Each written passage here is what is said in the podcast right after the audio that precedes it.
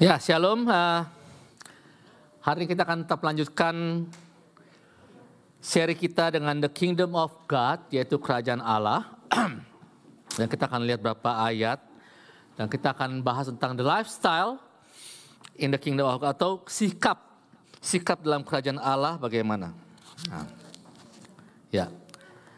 Jadi ya sebelum kita akan mulai saya akan review dulu tentang kerajaan Allah sebelum kita masuk karena saya pikir ini penting untuk kita jelas jelas apa maksudnya kerajaan Allah. Supaya kita ketika selesai seri ini minggu depan kita nggak ada keraguan-keraguan lagi apa maksudnya kerajaan Allah dan kita punya pengetahuan yang benar. Ya. Jadi kita nggak salah paham soal ini. Ya. Jadi ini akan sedikit panjang reviewnya karena kita I want to make sure kita nggak uh, kita jelas dalam hal ini. Jadi sebelumnya kita akan mulai dengan sedikit uh, balik ke awal. Apakah kerajaan itu? Mungkin sebelum kita bilang kerajaan Allah, kerajaan itu apa gitu ya? Kerajaan itu apa? Ya kan?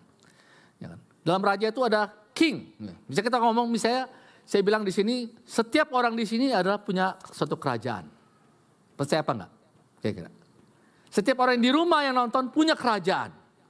Ya. Kalau saya ada king, saya punya kerajaan, istri saya queen. Kita bilangnya kingdom, queendom. Ya. Nah, pada hari ini kita uh, contohnya begini, secara simpel. Kita kita bingung ya, kerajaan masih apa? Nah, saya punya handphone. Ya. Handphone ini kerajaan saya. Dalam apa? Apa yang saya mau lakukan di handphone ini adalah terserah saya. Hak saya. Gak bisa musuh sebagai pendeta di sini ngomong, eh Miki kamu harus install app ini loh, ya kan? Kamu harus simpen foto yang ini, kamu harus pasang email ini. Enggak, ini adalah hak saya, hak saya, hak saya sepenuhnya. Gak ada orang lain yang kasih tahu saya apa yang saya harus taruh di sini. Ya kan? Jadi saya sebagai king, this is my kingdom. Yang saya ingin lakukan, saya bisa lakukan di sini. Jadi sekarang pada hari ini kita banyak demikian juga sebagai contoh yang simple. Kerajaan bisa saja lebih daripada handphone kita. Mungkin kita ada rumah, kita punya hak mengatur rumah kita seperti apa. Itu adalah kerajaan saya. Jadi artinya apa yang saya mau lakukan sesuai dengan kehendak saya terjadi. Ya. Dan gak ada orang lain bisa mengatur saya dalam hal ini. Saya punya hak penuh di sana. Ya. Nah, yang bisa uh, melihat handphone saya sebenarnya hanya istriku saja. Karena saya memberi hak itu kepada dia juga. Supaya dia bisa melihat apa yang saya lihat ya kan? Supaya kita ada share account. Dan lewat handphone ini saya bisa memperluas kerajaan saya saya bisa bayar segala macam saya bisa WhatsApp dengan kawan saya, saya bisa mengambil video, saya bisa nonton video, saya bisa nonton film, saya bisa kirim email, saya bisa terima email, segala macam dalam kehidupan kita Bahkan kesehatan kita juga dipengaruhi dengan handphone kita. Ini kita mau lihat berapa step saya lakukan ya. Saya cek kalau Samsung, Samsung Health. Wah dia kasih tahu, oh kamu sudah berapa step hari ini. ya kan? Mencapai goal atau tidak. Ya. Jadi kita melihat bahwa ini contoh. Contoh. Ya kan? Kerajaan kita hanya bisa lebih dari itu. Ya. Nah, jadi kerajaan adalah di mana kita punya hak. Ini kerajaan kita. Dalam arti sekarang begini, kita semua punya kerajaan. Ya. Kita semua punya kingdom. Nah, jadi kalau kerajaan Allah adalah kerajaan di mana Tuhan yang punya hak. Bukannya kita lagi. Ya. Kerajaan Allah di mana Tuhan yang punya hak. Dia yang mau lakukan apa, terjadi semua. Ya. Nah, kalau saya kasih contoh misalnya ini adalah kerajaan Allah. Saya nggak minta persembahan. Saya kasih contoh ini kerajaan Allah. Ya. Nah, jadi apa pun yang terjadi di sini adalah haknya Tuhan. Kalau saya punya kerajaan, saya kasih kepada Tuhan. Hidup saya saya kasih kepada Tuhan. Rumah saya saya kasih kepada Tuhan. Harta saya saya kasih kepada Tuhan. Siapa yang berhak? Saya sudah memberikan hak saya kepada Tuhan. Ya. Jadi artinya pada saat saya memberikan ini kepada Tuhan, bukan lagi saya yang berhak mengatur segala sesuatu yang saya inginkan, tapi Tuhan yang berhak mengatur apa yang boleh saya kerjakan di sini. Nah, jadi fungsi saya apa? Apakah saya wah langsung udah gini saya nggak bisa ngapa-ngapain lagi, saya diam aja pokoknya Tuhan mau ngapain terserah. Enggak juga. Tuhan kasih kita hak untuk mengatur sebagai manajer, bukan sebagai owner. Ya. Jadi kita kita hak untuk manage. Eh, kamu kasihkan pasang up yang berkenan pada Tuhan. Kenapa? Karena aku pertanggungjawabkan ini kepada Tuhan. Kamu pergunakan uangmu yang berkenan kepada Tuhan. Karena kenapa? Karena itu yang Tuhan sedang kamu lakukan. Dia yang mempunyai kerajaan ini. Ya. Kamu pakai hidupmu untuk menyenangkan Tuhan. Kenapa? Karena itu yang Tuhan mau. Kamu pakai hidupmu menjadi blessing bagi others. Kenapa? Itu yang Tuhan senang terjadi. Jadi pada saat kita memberikan hidup kita ke tangan Tuhan, this is what happened. Yeah. We let him be our king. Dia menjadi raja di atas kita. Pada saat ini bukan lagi kita sebagai raja, tapi kita memberikan kerajaan kita. Kita sebagai my kingdom, I as a king, I give myself to be a slave of God. A slave of God. Ya, saya harap ini jelas ya. Nah, jadi itu aja apa? Tentang kingdom bahwa kita punya suatu kerajaan di mana Tuhan yang mengatur dan Tuhan mengundang kita masuk ke dalamnya untuk memberikan hidup kita, segala yang kita punya untuk di dalam aturan main Tuhan. Ya. Nah, jadi kita harus tahu itu artinya kerajaan Tuhan. Nah, kenapa? Kenapa penting mengenal tentang kerajaan Tuhan ini? Ya. Mari kita lihat satu ayat di Matius 6 ayat 33. Tetapi carilah dahulu kerajaan Allah dan kebenarannya, maka semuanya itu akan ditambahkan kepadamu. ini kita masih review ya soal kerajaan, ya kita belum masuk ke dalam aspek-aspek. Tapi kita tentang kenapa ini penting kerajaan Allah. Ya. Nah kita ini ini bagian di Matius di mana Yesus sedang bicara tentang kekhawatiran. Kamu khawatir soal apa yang kamu makan, minum dan pakai, ya kan? Kamu lihat kamu lihat tuh burung di udara dipelihara oleh bapamu. Bagaimana dengan kamu? Masa kamu nggak nggak dipelihara? Baju kamu khawatir soal baju. Lihat bunga lili di padang. Kita pada saat summer kita melihat bunga bertumbuh di mana-mana, bunga liar di mana-mana. Mereka begitu indahnya tanpa kita ngapa-ngapain. Dan Tuhan bilang, hei kalau Tuhan bisa menghiasi bunga liar dengan begitu indahnya, masa dia nggak bisa menghidupi kamu? Ya kan? Lalu dia bilang di tengah-tengah itu. Nah ini kita harus tahu bahwa apa yang Yesus katakan ini penting. Ini tentang makan, minum, dan pakai. Ini kebutuhan pokok kita. Tanpa ini kita nggak bisa hidup. Ya kan? Ini bukannya bilang, oh saya pengen punya handphone, ya kan? Saya pengen menang lotre, wih menang lotre kan. Kita ada godaan, saya di kakak ngomong soal lotre. Kebetulan minggu lalu kita kan lotrenya lagi besar-besaran, 120 juta. Ya kan? Minggu lalu waktu 80 juta saya kirim di grup WA, saya bilang, tolong doakan supaya saya rela kehilangan 80 juta dolar. Gitu. Belum menang udah mau rela kehilangan ya kan. Ya. Minggu yang ini tolong doakan supaya saya rela kehilangan 120 juta dolar. Gitu. Ya. Ya. Tapi ini bukan dibicarakan, ini kebutuhan pokok. Jadi Yesus nggak melarang kita untuk mencari kebutuhan pokok. Cuman maksudnya jangan kamu pikirkan soal itu. Itu bukan yang utama loh. Kenapa bukan yang utama? Karena yang utama ialah carilah dahulu kerajaan Allah dan kebenarannya, maka semuanya apa yang kita perlukan akan ditambahkan kepadamu. Jadi ketika kita melihat di Alkitab, kita melihat bahwa yang dipentingkan oleh Yesus ialah kita mencari kerajaan Allah. Lebih dari segalanya, lebih dari pekerjaan kita, lebih dari makanan kita, lebih dari pakaian kita carilah dahulu kerajaan Allah. Jadi di atas segala yang putar pokok kita, carilah dahulu. Ini yang nomor satu. Makanya kita penting mencari apa, bagaimana caranya hidup dalam kerajaan Allah. Kebenarannya, maksudnya apa kebenarannya? Apa yang menjadi kebenaran dalam kerajaan Allah? Apa yang Tuhan anggap sebagai benar? Itu yang kita mau lakukan di hidup kita dan semuanya itu akan ditambahkan kepadamu. Semuanya itu apa? Apa saja yang kita perlukan. Whatever we need katanya. All that we need. Ditambahkan kepada kita. Artinya apa? Bukan dengan kerja keras kita kita bisa berhasil. Enggak bilang supaya kita jadi malas-malasan. Enggak.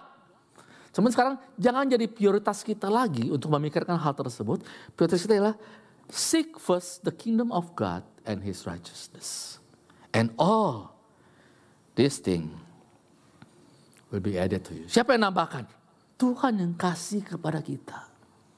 Tuhan yang piara kepada kita seperti dia sudah memelihara lili di bakung, bunga liar yang tumbuh. Setia sudah memelihara burung di udara. Dia kasih makan. Dia juga akan memelihara kita. Ya, agak sulit ya. Ini butuh iman. Wah. Tapi saya akan bicarakan lagi tentang kingdom of God. Uh, saya melihat apa apa yang menjadi kadang-kadang menjadi kerancuan kita dalam the kingdom of God ini. Supaya kita jelas, ya kan. Mungkin kita bisa lihat teks slide-nya di sini. Uh, uh, kita melihat bahwa the kingdom of God, ini sedikit dirubah slide-nya ya. Jadi yang saya kasih itu nggak begini sebenarnya ya. Jadi saya mau berbandingkan bahwa ada namanya the kingdom of God versus dengan personal salvation. Jadi kita melihat kingdom of God itu ialah salvation from sin, ini yang esensial dalam kingdom of God saya bilang. Living with Jesus as King, fellowship with other believers, Holy Spirit that's life, that's life, yaitu the gift of the Holy Spirit, and fruit of the Holy Spirit, and to be the salt and the light of the world. Kita ngomong the kingdom of God. Kayaknya ini definisi, ada juga yang hal-hal esensial yang saya nggak masukkan, tapi saya pikir ini cukup lah. Ya. Nah, kalau kita melihat di sini tentang the kingdom of God, sepertinya ini mirip dengan gereja sebenarnya. Dan saya harus kasih tahu bahwa sebenarnya the kingdom of God itu adalah gereja. Bukan sesuatu yang aneh. Tuhan gak kasih kita sesuatu yang aneh-aneh yang kita susah mengerti. Wah apa sih the kingdom of God? Bagaimana caranya mencari kingdom of God? No. The king is Jesus. The kingdom of God is the church. Waktu kita ngomong gereja bukan berarti kita ngomong gereja yang dua jam dalam satu minggu kita ke sini ini gereja. Bukan. Kita ngomong gereja adalah tentang the body of Christ, tubuh Kristus. Kerajaan Allah di mana kita sebagai bagian daripadanya. Gimana kita tinggal dalam kerajaannya. Kalau kita melihat di sini, di gereja ini yang terjadi. Gereja itu 24-7, 24-7. Bukan hanya waktu kita ke gereja di sini, bukan. Waktu kita di rumah, kita tidur, kita sedang bekerja, kita bagian dari tubuh Kristus. Kita bagian dari gereja. Kita bagian daripada the kingdom of God. Nah masalahnya, ada kerancuan di sini, yaitu dengan personal salvation. Waktu saya di uh, sekolah sekolah di Amerika di San Diego, waktu saya di college, uh, malam-malam jam 8 kalau salah. Ada ketokan di pintu apartemen saya. Saya tinggal di apartemen dan uh, dua orang dari uh, kalau nggak salah kampus Crusade ya datang. Bilang, oh apakah engkau kenal dengan Yesus? Ya kan? Dan mereka mensharingkan four spiritual law. Mungkin ada yang pernah dengar four spiritual law ya. Four spiritual law sangat simpel sekali. Ada empat. Law number one, Tuhan menciptakan kita dan Tuhan mengasihi kita. Number two, kita manusia yang berdosa dan terpisah dari Tuhan. Karena kita jatuh dalam dosa. Number three, Tuhan mengasihi kita dan mengirim Yesus anaknya mati bagi dosa kita. Number four, kalau kita percaya pada Yesus, kita memperoleh keselamatan dan memperoleh kasih karunia dari Tuhan Allah Bapa. Sangat simpel. Dan sangat efektif sekali untuk membawa orang kepada Kristus. Dan ini menjadi blessing bagi orang. Tapi ada masalahnya.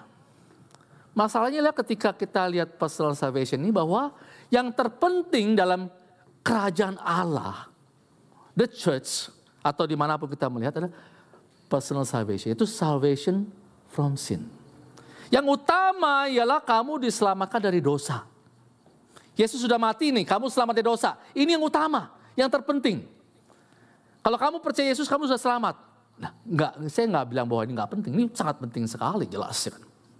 Tapi it is not the whole story about the kingdom of God. Ya.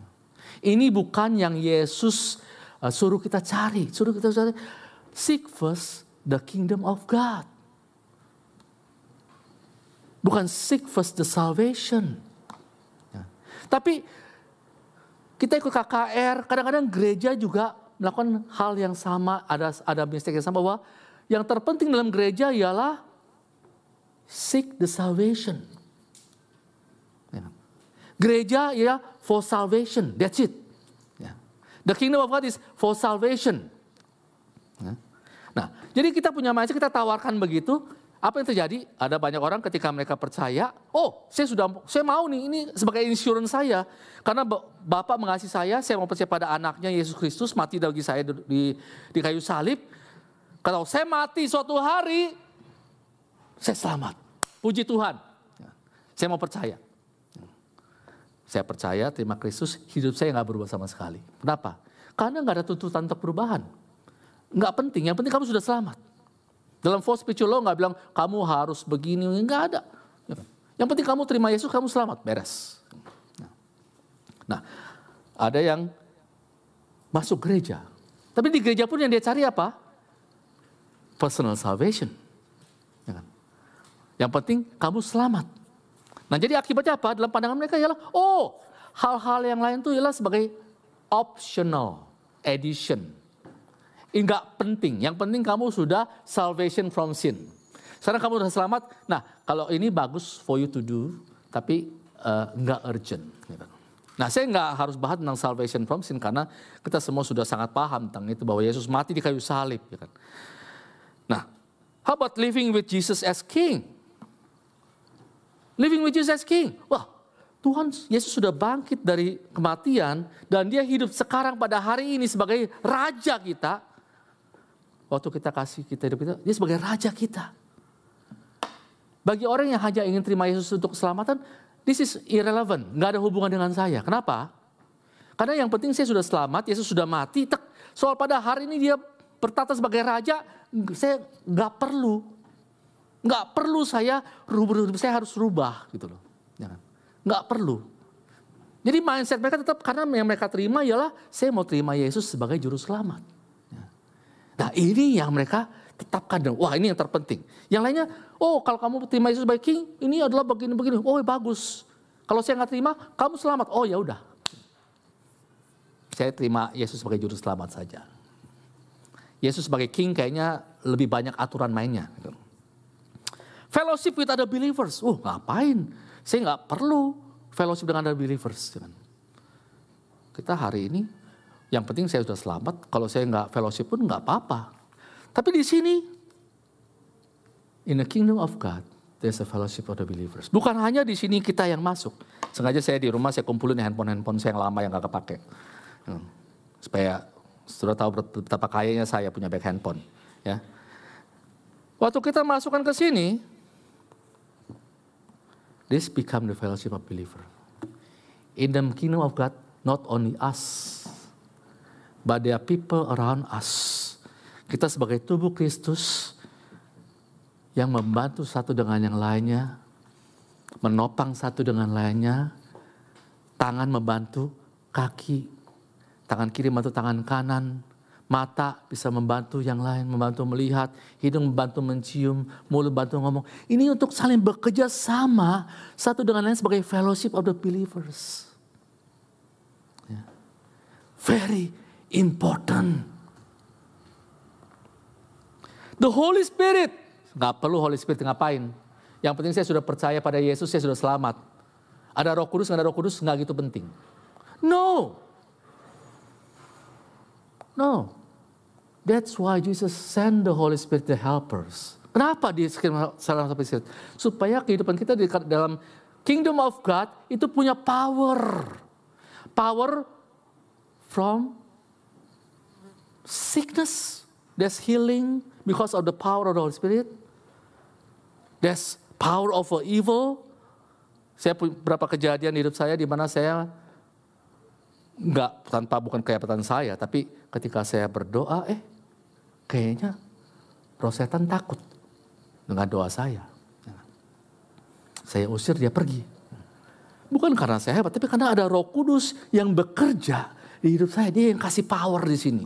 Dia yang bekerja dengan mighty. Dia juga yang memberikan fruit of the spirit mengubah kita, mentransform kita bahwa kita dalam di kingdom of God bukan hanya datang kebaktian, memuji bukan, tapi juga kita sedang ditransformasi untuk menjadi seperti Yesus.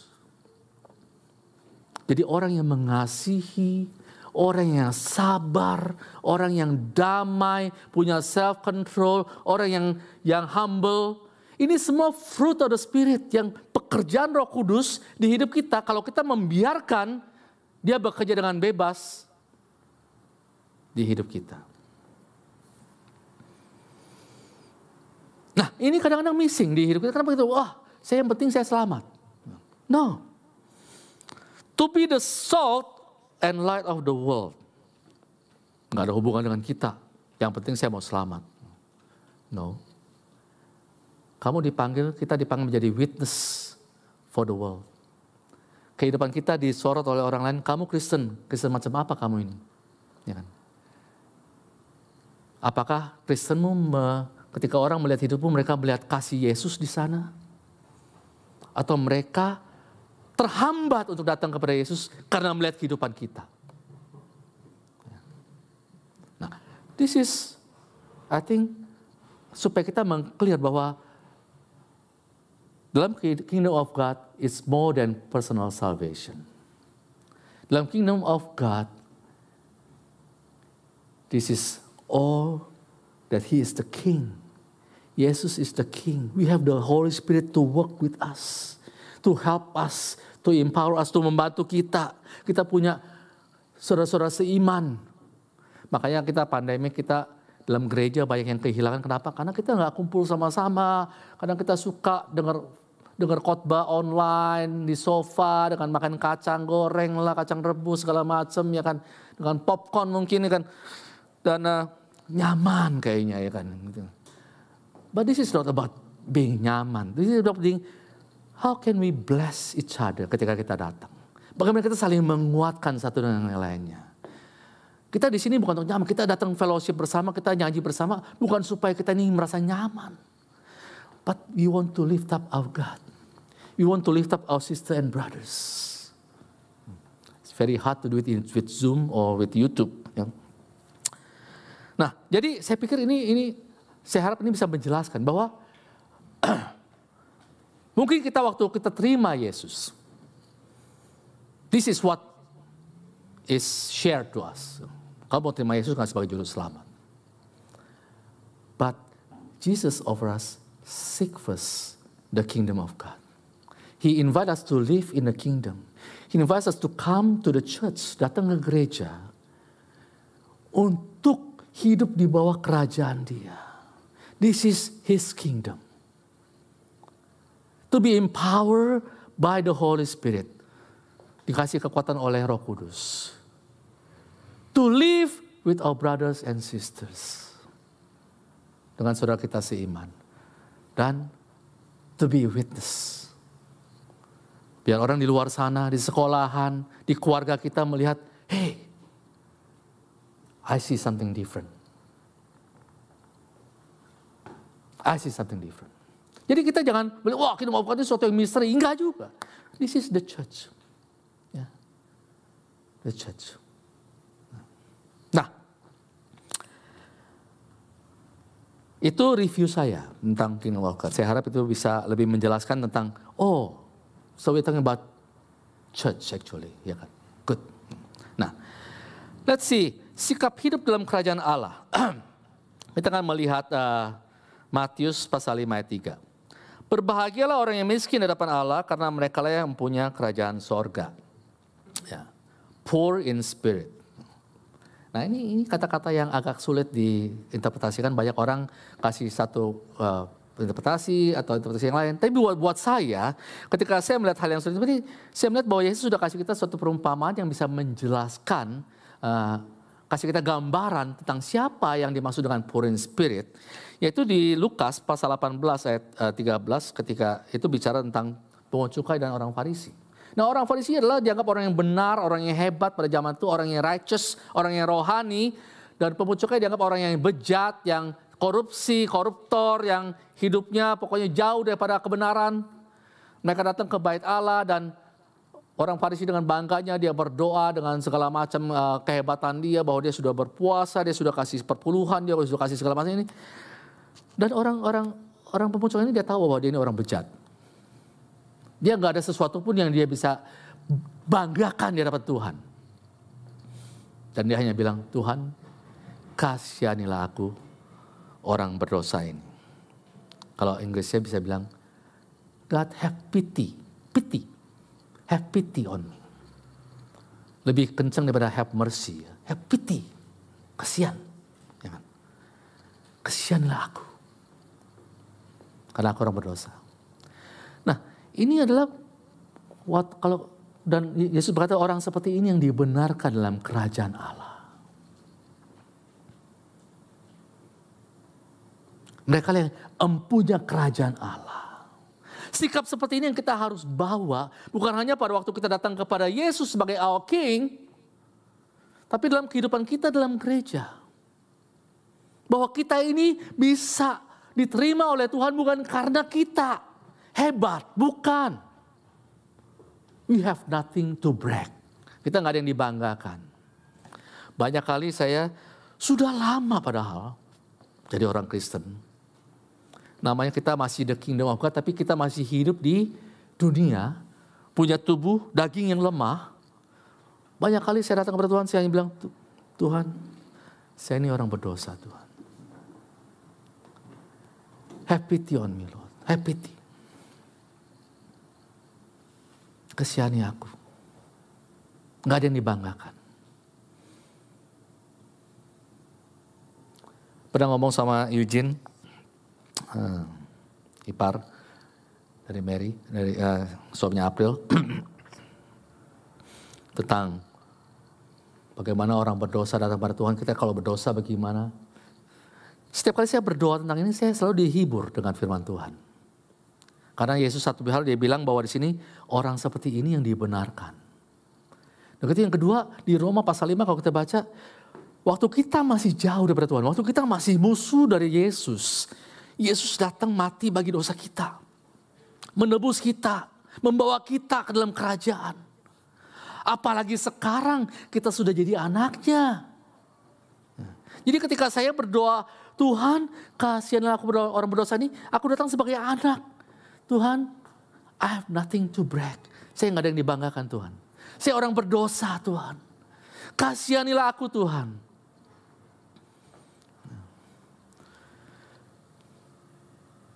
Saya juga mulai belajar step by step.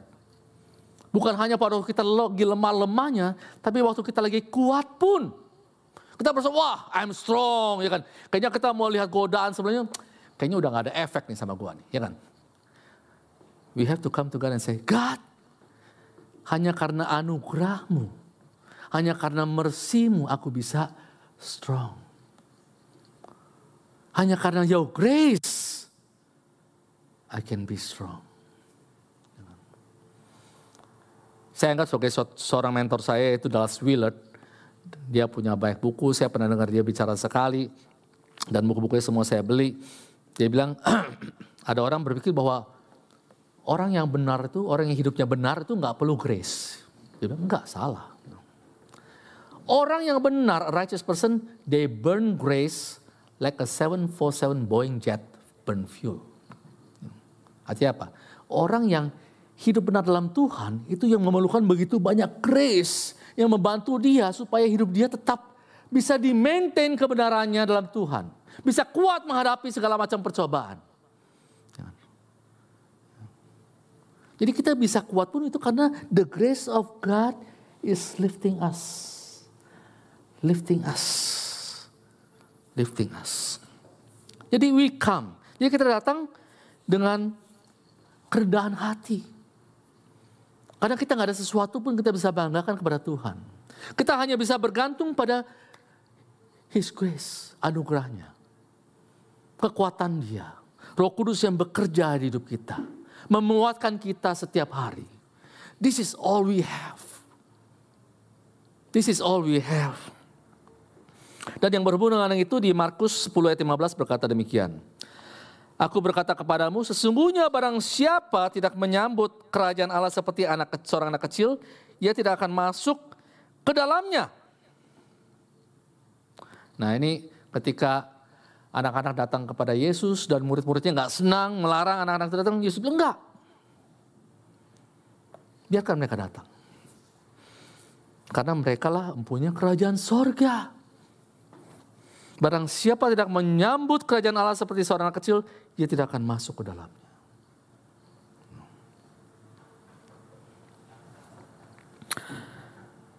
Saya bilang kalau itu faith is kita punya iman kepada Tuhan, berarti kita punya confidence in God.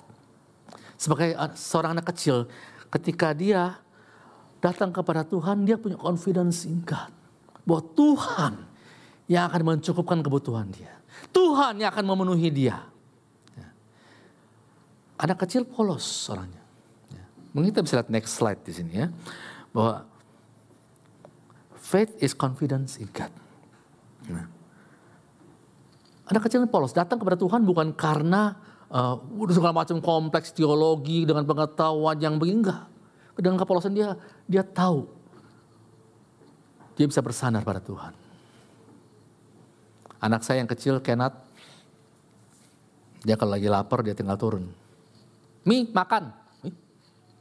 Enak aja ngomong. Nggak, dia, dia nggak dia bilang, ih, Mi ada makanan nggak ya? Pokoknya Mi makan. Paling Mi makan apa? Assumption bahwa mamanya akan siapin makanan. Dan memang benar. Istri saya sudah siapin makanan buat dia. Dia nggak pernah pusing. Datang pokoknya habis dia sibuk di atas nggak tahu ngapain di kamar dia sibuk bikin PR lah mungkin uh, chatting, gambar segala macem. Mi makan. Kepolosan seorang anak yang hanya bisa bersandar pada Tuhan. Ya. Ada seorang yang saya kagumi yaitu yang bernama George Muller. Nah, dia dalam hidupnya membuka panti asuhan. Ada sekitar 10 ribu lebih anak yang sudah lewat panti asuhan dia, mendapat pendidikan, mendapat pekerjaan yang layak. Dan kita bisa melihat di sini dia sudah membentuk 117 sekolah dan lebih dari 120 ribu anak yang sudah dibantu. Nah tapi yang menarik daripada George Muller ini adalah dia adalah a man of prayer. Dia adalah orang yang pendoa. Waktu dia membangun panti asuhan dia, dia nggak pernah namanya minta bantuan sumbangan dari orang lain. Nggak pernah. Dia bilang komitmen dia adalah God akan mencukupi saya. Dia hanya berdoa kepada Tuhan. Apa pun kebutuhan dia, dia berdoa pada Tuhan. Tuhan akan mencukupkan kebutuhan saya. God will fulfill all my needs. And that's what he did. Selama hidup dia, dia nggak pernah minta sumbangan dari satu orang pun. Dia hanya berdoa, berdoa, berdoa. Dan ini menjadi contoh bagi banyak orang. Suatu kali dia pernah duduk di panti asuhan dia, ini ada di dokumentasi ya. Anak-anaknya di satu meja, nggak ada makanan. Kosong. Sudah waktunya makan. Dia berdoa. Tuhan terima kasih atas makanan yang sudah kau sediakan. Selesai dia berdoa, di pintu ada yang ketok. Tok, tok, tok, tok. Tukang roti datang bawa roti. Ada gerobak susu liwat, rodanya patah di depan. Susunya disumbangkan kepada mereka. Ada susu dan ada roti. God provide. God provide. Kita melihat iman seperti seorang anak kecil. Mungkin dia hanya berdoa, pi makan. Dan Tuhan yang sibuk. Kasih makanan. God will provide. God will provide. Kita balik kepada Matius 6:33. Tapi cari dahulu kerajaan Allah dan kebenarannya maka semuanya itu akan ditambahkan kepadamu. Confidence of God providence. Ini janji Yesus pada kita.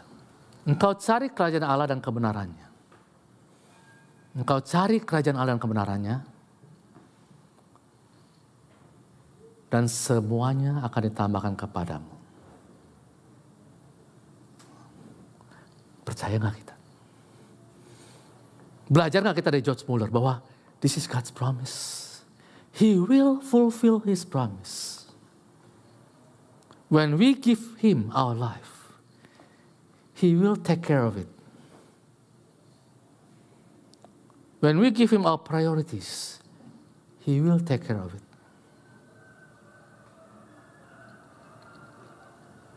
Maybe all we have to pray.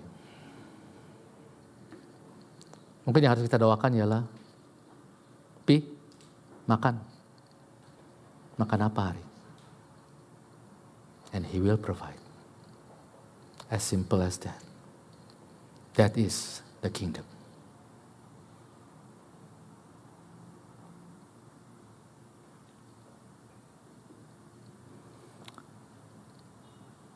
Why don't we all stand up and uh,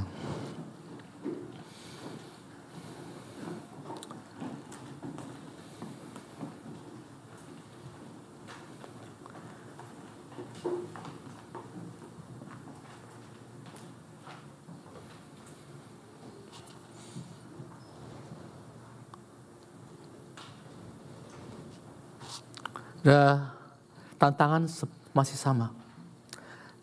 Sadar dahulu kerajaan Allah dan kebenarannya. Mungkin kita punya prioritas yang lain, kita punya keluarga, kita punya anak, kita punya masa depan, kita punya ambisi. God said, seek first the kingdom of God and his righteousness. And all these things